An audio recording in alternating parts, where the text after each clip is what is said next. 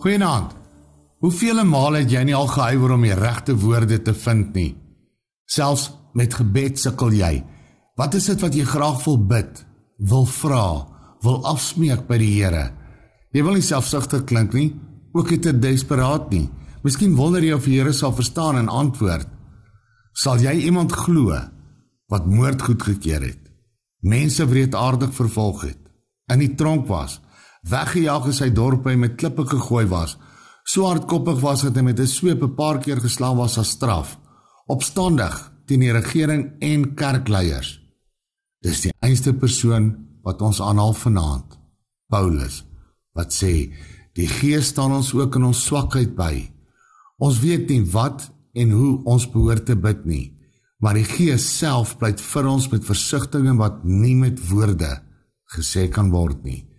En God wat die harte deurgrond, weet wat die bedoeling van die Gees is, want hy pleit volgens die wil van God vir die gelowiges.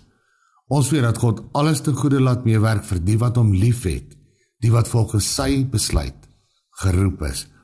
Nou Paulus het geweet dat hy self van woorde en antwoorde kort kom en in daardie stil oomblikke pleit die Gees van God woordeloos word jou gemoedstoestand ook oorgedra omdat God jou hart ken. Jou gebed geprewel met stilte en in jou swakheid. Jou seer kry, jou vernedering, jou verlede, jou twyfel as ook jou hoop op beter dae. Vir jou as gelowige sien God net jou hart raak en luister na wat die Gees pleit. Mag jou gebed vanaand jou gerus stel en jy glo dat God alles ten goeie sal laat meewerk sodat sy liefde in en deur jou kan werk. Twyfel nie.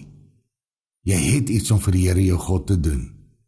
Jou gebed is jou dankie sê. Die Gees antwoord namens jou. Amen. Nag se Here.